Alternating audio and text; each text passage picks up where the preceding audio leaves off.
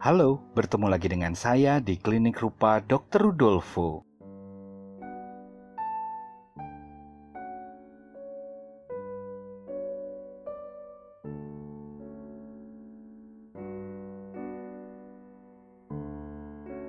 Teman-teman yang baik, selamat datang di Klinik Rupa Dr. Rudolfo. Siniar dari Klinik Rupa Dr. Rudolfo ditayangkan setiap hari Sabtu pertama di awal bulan, jadi tanggalnya itu ganti-ganti ya. Tergantung hari Sabtu itu jatuh pada tanggal berapa. Tapi kalau jamnya sih tetap, yaitu jam 9 malam. Nah, karena itu bila bulan sudah berganti, di malam minggu pertama setiap awal bulan jam 9 malam, anda bisa menikmati tayangan dari Klinik Rupa Dr. Rudolfo baik di blog saya dengan alamat rehartanto.art maupun melalui kanal Potluck Podcast baik di Spotify maupun di SoundCloud.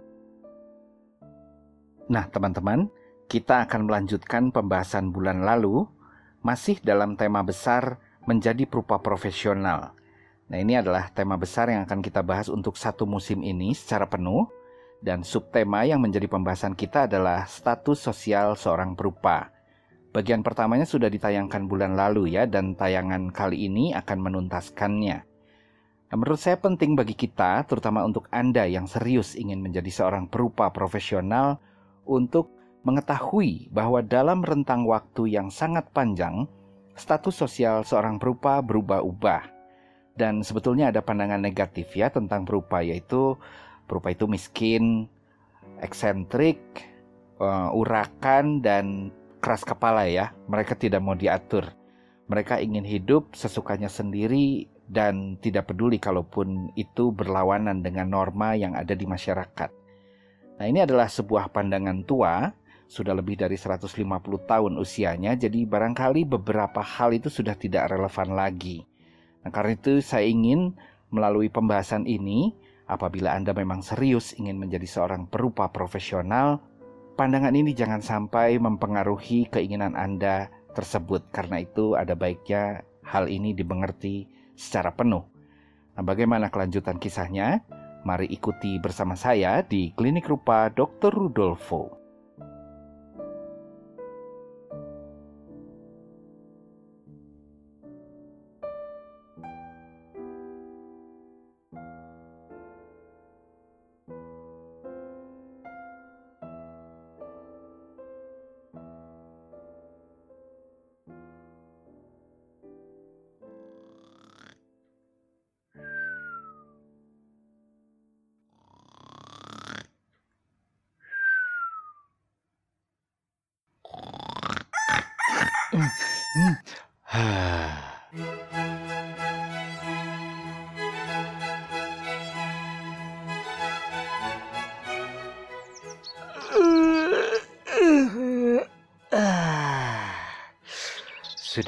Pagi. Hmm. Banyak nyamuk tidur di luar. Tapi pagi ini cerah juga.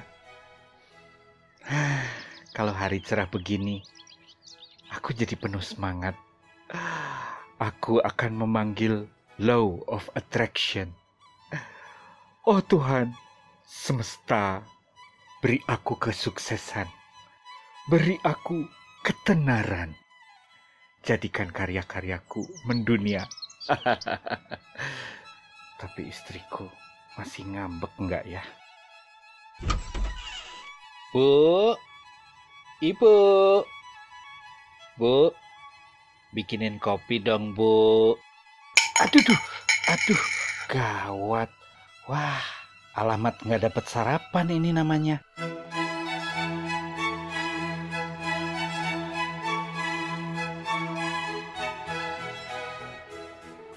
Susahnya punya seorang istri tuna budaya. Dia tidak mengerti perjuangan seorang seniman. Seniman kalau miskin itu biasa. Vincent van Gogh itu miskin seumur hidupnya. Tapi coba lihat betapa terkenal karya-karyanya sekarang. Orang sampai ngantri mau masuk museum supaya bisa melihat karyanya. Hmm. Mas, eh, ibu, selamat pagi bu. Selamat pagi mas. Sudah bangun? Mau minum kopi? Ini Sudah aku bikinin. Kebetulan, gitu dong. Jadi istri itu harus melayani suami. Astaga, air apa ini? Kok rasanya sepet begini? Hm, air aki, Mas. Hah? Air aki? Kamu gila apa? Kamu mau ngeracunin aku ya? Nih, Mas, dengerin ya. Jadi laki-laki itu harus pintar cari duit. Kalau nggak punya duit, berarti nggak ada kopi. Enak aja kamu nggak becus cari duit minta dilayanin. Ayo bangun, pergi sana, cari uang. Loh, tapi aku kan baru bangun. Sarapan juga belum. Tidak ada sarapan-sarapan. Situasi sudah mendesak. Anak-anakmu harus makan, Mas. Mereka juga harus bayar les berenang, les piano, les matematika. Ayo sana pergi. Cepat, bawa uang yang banyak. Dan awas kamu ya, kalau kamu pulang nggak bawa uang, aku sikat pakai sendal jepit. Ah, iya iya iya, iya. Oke oke. Oke, aku pergi. Aku akan aku akan cari uang yang banyak supaya kamu puas.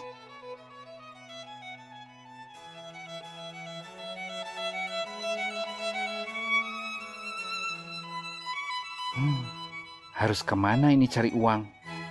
Dari dulu lukisan aku memang tidak laku. Habis masyarakat tidak mengerti sih jalan pikiran aku yang avant-garde. Nah, itu ada rumah besar. Coba aku lihat siapa tahu yang punyanya mau pesan lukisan.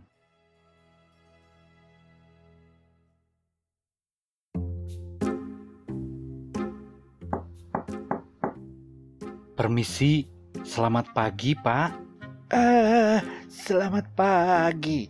Ada perlu apa, anak muda? Perkenalkan, Pak. Nama saya Asep Saipudin. Saya seorang pelukis.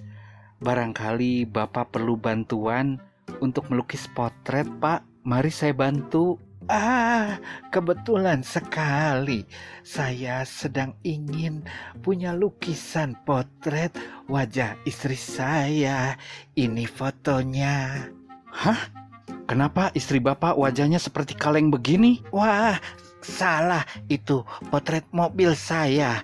Nah, ini dia fotonya yang betul. Wah, istri Bapak cantik sekali ya. Dan masih muda. Lebih muda daripada saya. Itu istri saya yang kedua. Nah, saya juga ingin dilukiskan foto istri saya yang ketiga dan keempat. Ini fotonya. Luar biasa. Istri Bapak cantik-cantik semuanya. Baik, Pak. Akan segera saya kerjakan dan begitu selesai saya akan langsung kemari. ya, kerjakan yang bagus ya nak. Terima kasih. Sama-sama pak. Permisi, saya pamit dulu. Ah, aku memang merasa ini hari keberuntunganku. Pagi yang cerah, begitu cari uang, langsung dapat pekerjaan. Akan aku selesaikan lukisan ini aku akan dapat uang banyak dan istriku pasti tambah cinta padaku. Halo, permisi. Eh, Asep, lama gak kelihatan. Ada apa, Sep? eh, kamu ada kanvas nggak? Tiga buah. Aku dapat pekerjaan nih, pekerjaan besar. Kanvas ada, Sep. Aku ada lima uh, kamu mau pakai tapi kanvas yang dulu juga belum kamu ganti. Alah, tenang aja. Nanti kalau pekerjaan ini sudah selesai, aku ganti semua kanvasmu. Malah aku kasih bonus.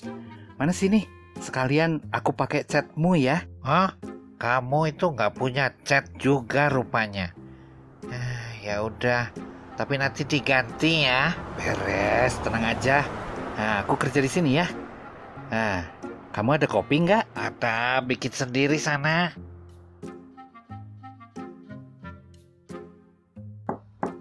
Permisi, selamat sore pak. Ah, selamat sore. Mau cari siapa, nak? Eh, saya Asep, Pak. Asep saya Pudin.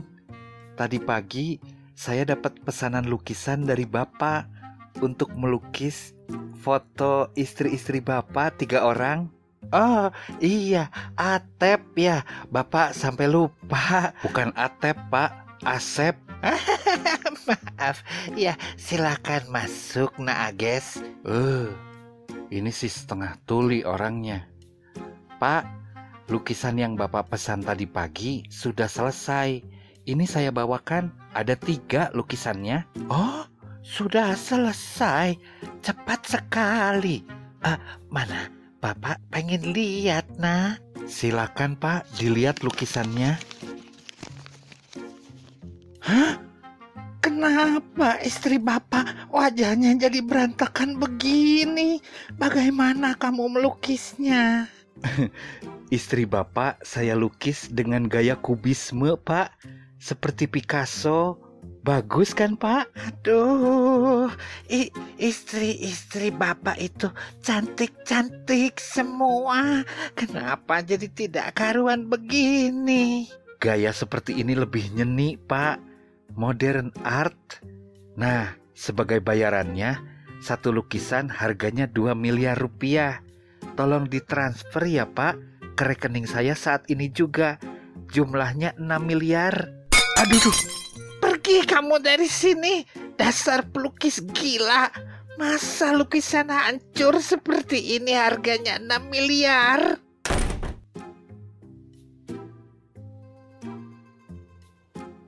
Wah, Gawat, ekspresi seniku tidak diapresiasi oleh si bapak. Hmm, gak jadi ini dapat uang. Hari sudah malam. Kalau aku pulang, aku pasti disikat pakai sendal jepit. Aduh, susahnya jadi seniman. Hmm, teman-teman, sandiwara komedi yang baru Anda dengarkan sebetulnya dibuat untuk ilustrasi siniar ini. Tapi lebih lanjut, saya memutuskan untuk membuatnya menjadi lebih panjang dan itu akan dijadikan sebuah karya utama dalam pameran tunggal saya di Yogyakarta pada bulan Juli nanti. Pameran tunggal tersebut akan diselenggarakan di Museum dan Tanah Liat di Bantul, Yogyakarta, dan jadwalnya akan disamakan dengan jadwal Art Jog. Uh, Art Jog sendiri adalah sebuah perhelatan seni rupa kontemporer paling besar ya di Indonesia itu akan diadakan dari mulai tanggal 25 Juli sampai tanggal 25 Agustus 2019. Judul pameran tersebut adalah Seniman Sontoloyo. Nah, dan karya audio ini akan menjadi karya utamanya. Namun selain itu juga akan ada karya gambar, karya lukisan, dan kalau bisa nih ya, ada beberapa karya objek juga dalam bentuk diorama sandiwara komedi ini sebetulnya berasal dari masa lalu ya. Kalau Anda itu sebaya dengan saya, mungkin Anda akan ingat bahwa di zaman dulu kita sering mendengarkan sandiwara radio. Baik itu di radio maupun dalam bentuk kaset waktu dulu ya dan ada kaset-kaset lawak juga. Ini sandiwara komedi ini sangat dipengaruhi oleh Dekabayan, salah satu grup lawak yang paling populer di Jawa Barat dan juga sanggar cerita ya karena saya adalah seorang penggemar berat sanggar cerita waktu dulu. Sebetulnya sampai sekarang juga masih. Saya sendiri sebetulnya tidak menyangka bahwa apa yang saya dengarkan selama bertahun-tahun waktu dulu akhirnya bisa lahir menjadi sebuah karya audio seperti ini. Nah, ini saya harap karya ini bisa menghibur Anda semua dan kelak ketika sudah jadi versi panjang itu nanti durasinya akan sekitar 60 menit ya. Saya juga akan membuat versi audio dalam bentuk CD-ROM. Saya harap karya ini bisa menghibur Anda semua dan nanti ketika karya ini jadi, karya ini bisa didengarkan langsung di lokasi pameran yaitu di Museum dan Tanah Liat Yogyakarta versi teasernya akan saya unggah di YouTube dan Instagram uh, dan selanjutnya Anda bisa membeli CD audio dari karya ini lengkap dengan sampul dalam dan sampul luar yang berisi karya-karya saya. Nah, teman-teman, demikianlah sedikit pengumuman untuk siniar kali ini dan mari kita kembali kepada pembahasan kita dalam tema besar menjadi perupa profesional dan subtema status sosial seorang perupa bagian kedua dan terakhir. Teman-teman, dalam siniar bulan lalu saya menjelaskan bahwa apabila kita menjadi seniman di Eropa pada tahun 1500 atau 1600-an, itu situasinya akan sangat berbeda dengan apabila kita menjadi seniman di sini di masa kini ya, di zaman ini. Karena seniman pada zaman dahulu itu sebetulnya lebih merupakan tukang yang sangat ahli kalau soal ide, mereka itu sebetulnya terbatas sekali ya. Ide yang diwujudkan menjadi karya-karya seni pada masa-masa itu sebetulnya adalah ide kaum elit. Ini sangat berbeda dengan kondisi pada saat ini di mana kita bisa mengembangkan dan mengerjakan karya dengan ide yang kita lahirkan sendiri. Nah, perubahan ini tidak serta-merta terjadi ya. Namun terjadi secara perlahan-lahan untuk kurun waktu yang sangat panjang, sekitar 100 tahun lamanya, di abad ke-19 di Eropa awalnya. Nah, pada zaman dahulu, di tahun 1800-an, artinya di abad ke-19 ketika baru dimulai, muncullah apa yang disebut sebagai kaum bohemian di Perancis, terutama di kota Paris. Pada awalnya, Istilah bohemian ini ditujukan pada orang-orang perantau, yaitu para migran yang datang dari Eropa Timur masuk ke Eropa Barat dan bertempat tinggal di sebuah daerah kumuh yang sewa tempatnya itu murah di kota Paris. Ini adalah orang-orang yang dulu itu kita sebut dengan julukan gypsy. Nah, istilah gypsy ini sekarang sudah dianggap sebagai sebuah istilah yang menghina ya uh, rasis istilah ini. Jadi sebaiknya kita menggunakan istilah Romani. Sejarah orang-orang Romani ini sudah sangat panjang. Nenek moyangnya sendiri sebetulnya berasal dari India dari sekitar abad ke-10, itu artinya tahun 900-an ya. Nah ini karena ada peperangan dan ada invasi di wilayah tersebut, mereka pada abad ke-11 mulai bermigrasi dengan uh, berjalan kaki atau mengendarai kereta kuda menuju Eropa. Nah, karena kultur mereka itu berbeda dengan kultur masyarakat Eropa yang sudah mengenal agama Kristiani pada saat itu, mereka akhirnya direpresi secara sosial. Mereka dianggap bukan bagian orang Eropa, dianggap sebagai orang asing yang tata nilai kehidupannya tidak sesuai dengan nilai-nilai Katolisisme. Istilah Gipsi sendiri sebetulnya berasal dari kata Egypt ya atau Mesir. Barangkali karena perbedaan warna kulit mereka yang lebih gelap ya daripada orang-orang Eropa, mereka dulu salah dimengerti, dipikirnya mereka itu datang dari Mesir sehingga mereka itu disebut Gypsy. Nah ini kasihan ya orang-orang uh, Romani ini karena sebetulnya sejak abad ke-11 sampai hari ini kehadiran mereka di Eropa itu tidak sepenuhnya diterima. Mereka selalu dianggap sebagai orang asing, tidak disukai dan tidak dipercaya oleh orang-orang Eropa yang berkulit putih. Karena itu istilah Gipsy adalah sebuah istilah rasis. Nah, jadi di satu sisi saya sih kasihan ya sama orang-orang Romani ini karena mereka mengalami diskriminasi dan tekanan yang tidak ada hentinya dari masyarakat Eropa. Tapi di sisi lain, saya juga curiga bahwa mereka ini sebenarnya agak keras kepala ya. Harga dirinya tinggi dan mereka tidak mau tunduk pada siapa pun juga. Kekeras kepalaan dan harga diri yang tinggi ini saya pikir yang menyebabkan mereka hijrah dari India menuju Eropa pada abad ke-11 dulu. Hal ini membedakan orang-orang Romani dengan orang lain di tempat asalnya pada abad ke-10 saat itu ya di India. Karena orang lain itu biasanya cari aman. Kalau misalnya negara mereka itu diinvasi oleh kekuatan asing, mereka itu sebetulnya lebih cenderung untuk tunduk dan menerima penguasa baru. Tapi orang-orang Romani itu tidak begitu. Mereka lebih memilih untuk meninggalkan kemapanan dan kenyamanan eh, daripada harus tunduk pada penguasa baru. Nah, jadi saya sebetulnya cukup yakin orang-orang ini punya harga diri yang tinggi ya dan hal ini pula yang menyebabkan mereka menjadi sulit untuk berbaur ketika memasuki Eropa di abad ke-11. Dengan begitu bisa dikatakan bahwa orang-orang Romani ini ditolak oleh semua lapisan masyarakat dari mulai kelas elit sampai rakyat jelata. Jadi kerajaan, gereja Katolik, dan termasuk masyarakat umum dalam tatanan sosial masyarakat feodal Eropa pada saat itu menganggap mereka adalah orang-orang yang tidak ada harganya. Dengan demikian, untuk mempertahankan hidup sehari-hari, orang-orang Romani harus mengerjakan pekerjaan yang tidak diminati oleh orang-orang Eropa pada saat itu. Soalnya Anda bisa bayangkan kalau orang-orang Romani ini mengerjakan pekerjaan yang diminati oleh orang-orang Eropa, maka diskriminasi itu akan cukup tanpa ampun ya bagi mereka tidak akan ada kemungkinan mereka mendapat perlakuan juga pembayaran yang pantas dalam bidang pekerjaan mereka.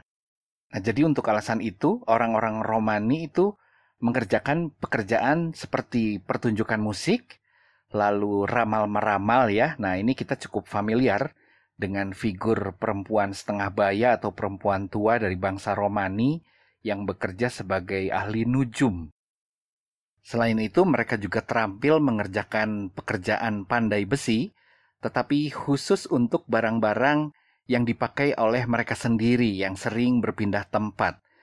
Selain itu juga ada obat-obatan, mereka membuat obat sendiri dan bisa dijual tanpa resep dokter. Jadi ini ada di luar lingkaran farmasi masyarakat Eropa pada saat itu. Dan yang terakhir, mereka juga berjualan kuda dan mereka terbiasa mengurus kuda.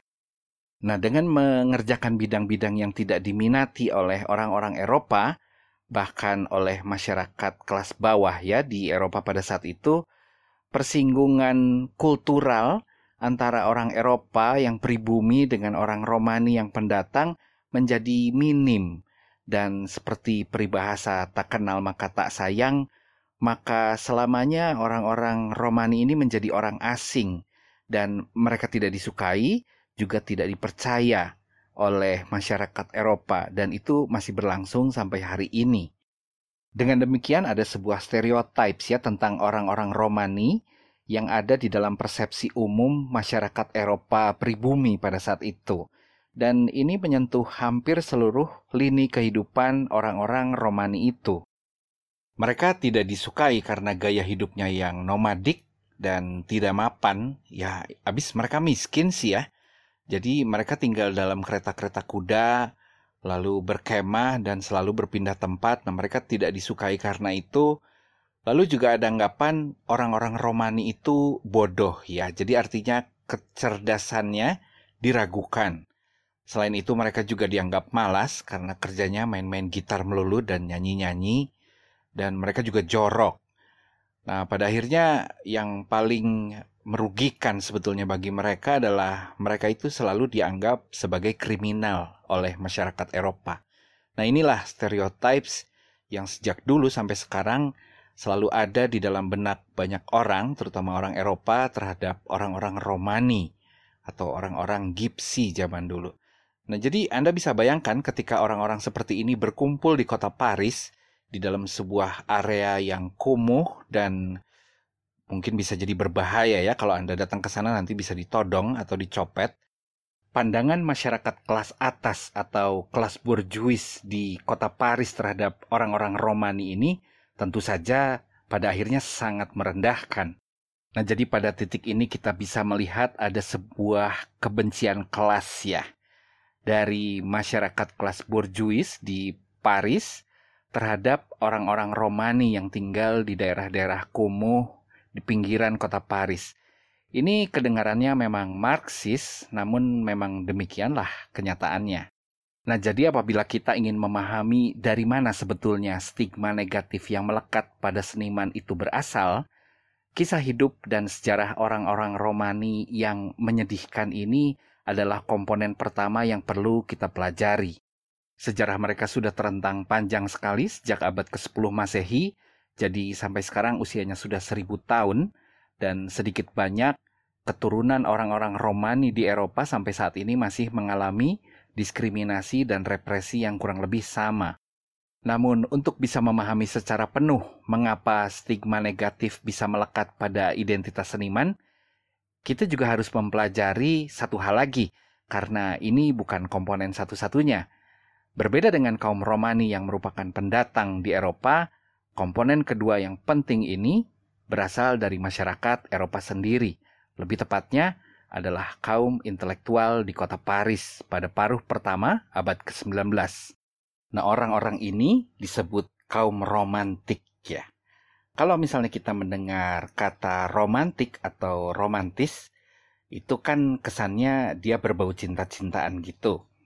Tapi sebetulnya romantisisme adalah sebuah gerakan penting dalam dunia seni dan ini mencakup banyak aspek ya, jadi seni rupa, seni musik, seni sastra, termasuk juga seni drama romantisisme dalam sejarah peradaban masyarakat Eropa adalah sebuah respons kultural terhadap perkembangan peradaban Eropa pada saat itu. Untuk waktu yang sangat lama di Eropa, tatanan sosial masyarakatnya itu sebetulnya sangat sederhana, yaitu tatanan masyarakat feodal. Tatanan masyarakat feodal ini secara sangat sederhana bisa kita gambarkan sebagai ada segelintir kelas elit dan sebagian besar rakyat jelata. Itu aja. Nah, dalam tatanan masyarakat yang feodal seperti ini, segelintir kaum elit menguasai begitu banyak sumber daya dalam suatu negara. Dan dalam hal ini, uh, seniman uh, sebetulnya aslinya itu termasuk ke dalam rakyat jelata ya. Hanya dalam kasus-kasus tertentu saja, dan itu hanya terjadi pada seniman-seniman yang paling top saja, mereka itu bisa naik sedikit lebih tinggi kelas sosialnya sehingga walaupun mereka kehitungnya masih rakyat jelata tapi hidupnya bisa lumayan lah lebih nyaman nggak sengsara banget. Nah paruh pertama abad ke-19 di Eropa dan dalam hal ini di Prancis itu ditandai dengan diguncangnya status quo monarki di sana.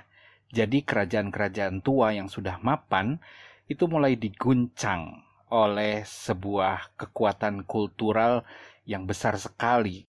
Guncangan ini terjadi dalam bentuk banyak pemberontakan ya. Dan itu terus berlangsung sampai waktu yang lama, sampai memasuki abad ke-20. Nah, dalam rentang waktu lebih dari 100 tahun, ada banyak kerajaan-kerajaan tua dengan sistem monarki yang sudah mapan menjadi tumbang karena diguncang oleh revolusi sosial yang terjadi pada masyarakat di saat itu di banyak belahan dunia. Jadi sistem monarki yang tumbang misalnya di Prancis, di Austria atau yang besar itu di Rusia maupun di Tiongkok itu berjatuhan karena revolusi sosial yang hebat pada saat itu. Terutama hal ini terjadi karena ideologi komunisme yang dideklarasikan pada pertengahan abad ke-19. Ideologi komunisme menganggap bahwa segelintir kaum elit ini sudah betul-betul keterlaluan ya, mereka betul-betul menghisap darah kaum proletar, yaitu rakyat jelata dan mereka ingin mengubah tatanan sosial ini. Namun sebelum semua revolusi sosial itu terjadi dan menghebat ya, ada kaum romantik. Nah, kaum romantik adalah orang-orang yang memiliki empati yang besar terhadap rakyat jelata yang tertindas dalam kondisi sosial yang penuh perubahan di Eropa pada saat itu. Kaum romantik ini sedih dan marah ya melihat betapa rakyat jelata begitu menderita karena tertindas dan mereka itu harus hidup di bedeng-bedeng kumuh dan diperas tenaganya untuk menjadi mesin penggerak industrialisasi Eropa pada saat itu. Di sisi lain, industrialisasi di Eropa sendiri sebetulnya terjadi karena berkembangnya ilmu pengetahuan. Ini adalah sebuah kebaharuan dalam peradaban Eropa karena sebelum abad pencerahan, di abad ke-18, kebenaran itu ditentukan oleh kaum elit dalam hal ini istana dan gereja. Pada abad pencerahan, di abad ke-18 di Eropa, ada sebuah semangat yang bergelora di kalangan intelektual. Mereka pada akhirnya memahami bahwa kebenaran itu tidak hanya bisa didapat dari istana dan gereja, tetapi bisa dicapai dengan rasionalitas uh, umat manusia itu sendiri. Nah, ini pada gilirannya memunculkan begitu banyak inovasi teknologi. Dan sebetulnya kita masih bisa merasakan pengaruhnya sampai hari ini ya. Bagaimana teknologi itu bisa mengubah cara kita hidup dan cara kita memandang dunia ini. Nah, kaum romantik adalah salah satu golongan pertama yang memberikan keraguan kepada semangat yang bergelora ini. Mereka bilang, kayaknya rasionalitas itu ya itu memang penting, tetapi mungkin bukan segala-galanya karena lihat coba akibatnya. Orang-orang pada menderita juga. Dan hal ini terbukti ketika memasuki abad ke-20, perang dunia terjadi. Jadi rasionalitas dan ilmu pengetahuan yang semula dianggap sebagai dewa penyelamat dan mengakhiri abad kegelapan di Eropa yang dinominasi oleh agama Katolik, itu ternyata bisa juga memberi penderitaan yang hebat pada umat manusia. Jadi, rasionalitas dan ilmu pengetahuan adalah pedang bermata dua ya. Dengan begitu, eh, kalangan tertentu, terutama kaum intelektual ya yang memiliki pikiran terbuka, mulai menunjukkan sikap kritis dan skeptis terhadap kaum elit atau kaum borjuis di Prancis pada saat itu. Nah, orang-orang ini mencakup para pemikir, para filsuf, eh, penyair, pemusik, termasuk juga para perupa. Mereka ingin membedakan diri mereka dalam identitasnya di masyarakat dengan kaum borjuis. Mereka tidak mau tuh disama-samakan dengan kaum borjuis. Nah, dalam begitu banyak acara nongkrong dan kumpul-kumpul, kaum romantik saling bertukar pikiran dan semakin menunjukkan ketidaksukaannya pada kaum borjuis yang dianggap walaupun merengkuh ilmu pengetahuan, tetapi membuat banyak kalangan masyarakat menjadi menderita pada saat itu kaum romantik berpikir, enggak ah, rasionalitas itu bukan segala-galanya. Emosi juga penting loh. Feeling, empati itu juga penting. Bukan hanya rasionalitas yang bisa memandu kita mengarungi kehidupan ini. Kalau misalnya itu tidak dibarengi dengan feeling, dengan empati, dengan emosi, dunia itu menjadi sangat dingin dan kejam. Nah, para intelektual dengan pikiran terbuka ini pada akhirnya sering kumpul dan akhirnya tinggal di daerah-daerah kumuh di kota Paris, tempat orang-orang Romawi itu tinggal. Pada akhirnya, paham kaum romantis ini semakin lama semakin meluas dan bahkan mulai menjangkiti sebagian dari kaum borjuis itu sendiri. Sehingga pada akhirnya, beberapa dari mereka dan semakin lama semakin banyak rela untuk meninggalkan kemapanan dan kenyamanan hidup untuk tinggal di daerah-daerah kumuh bertetangga bertetangga dengan kaum Romani yang dianggap sebagai sampah masyarakat di kota Paris pada saat itu. Pada saat itu, karena kaum romantik berusaha dengan segala cara untuk membedakan dirinya dengan kaum borjuis, mereka menganggap bahwa Menjadi unik dalam perihal kekaryaan saja tidak cukup. Keunikan itu harus ditunjukkan secara visual, sehingga dengan sekali lihat mereka akan bisa dibedakan uh, dari kaum borjuis yang ada di masyarakat Paris saat itu. Karena itu gerakan romantik juga bukan hanya mencakup soal kekaryaannya, tetapi juga mencakup fashion. Maka pada akhirnya inilah dua wajah yang sulit dibedakan dari kaum Bohemian pada masa itu, baik itu orang-orang Romani maupun kaum romantik yang tinggal di daerah yang sama, itu disebut kaum Bohemian. Gerakan romantisisme ini pada akhirnya meluas dan menjadi sebuah titik yang penting dalam peradaban seni di Eropa dan di dunia. Mereka juga pada akhirnya menyebar ke Amerika Serikat pada saat itu. Nah, jadi teman-teman, inilah dua komponen penting yang pada akhirnya memberikan stigma negatif kepada identitas seniman yang kita kenal hingga saat ini. Sejak kaum romantik dan orang-orang Romani ini berkumpul di satu area yang sama di kota Paris pada paruh pertama abad ke-19, sampai sekarang ini tahun 2019 jarak itu kan sudah terentang panjang sekali waktunya. Karena itu kita patut bertanya, apakah stigma negatif ini masih relevan dengan kehidupan kita pada saat ini? Nah, jadi kaum bohemian yang romantik ini adalah mereka yang pertama memutuskan ikatan antara kaum elit yang borjuis dengan seniman. Bila pada saat ini kita bebas menentukan tema apa saja untuk membuat karya, kita sudah mendapatkan posisi yang sangat berbeda dengan seniman top pada tahun 1500 atau 1600-an di Eropa, seperti Rembrandt atau Velasquez atau Caravaggio. Nah, kemerdekaan ini dimulai oleh kaum bohemian ini. Salah satu titik terpenting dalam periode ini adalah dideklarasikannya Realis Manifesto oleh Gustav Courbet dan kawan-kawannya. Ini adalah sebuah pembacaan proklamasi kemerdekaan gagasan bagi perupa sejak saat itu hingga saat ini.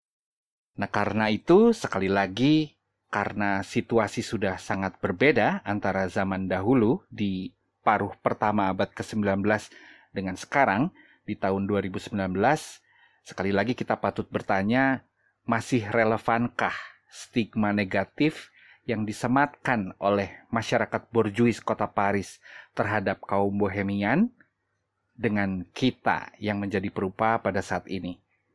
Saya biarkan pertanyaan ini menjadi bahan renungan bagi Anda, karena itu apabila Anda ingin melanjutkan pendidikan ke bidang seni rupa dan dilarang oleh orang-orang terdekat yang sebetulnya mengasihi Anda, Anda sekarang bisa mendebat mereka ya dengan paparan sejarah ini. Tapi di satu sisi, Anda juga harus buktikan bahwa Anda bukan seperti orang-orang yang mereka khawatirkan itu. Nah, teman-teman semua, terima kasih sudah mendengarkan sampai selesai. Kita akan memasuki subtema baru pada bulan depan, masih bersama saya di Klinik Rupa Dr. Rudolfo.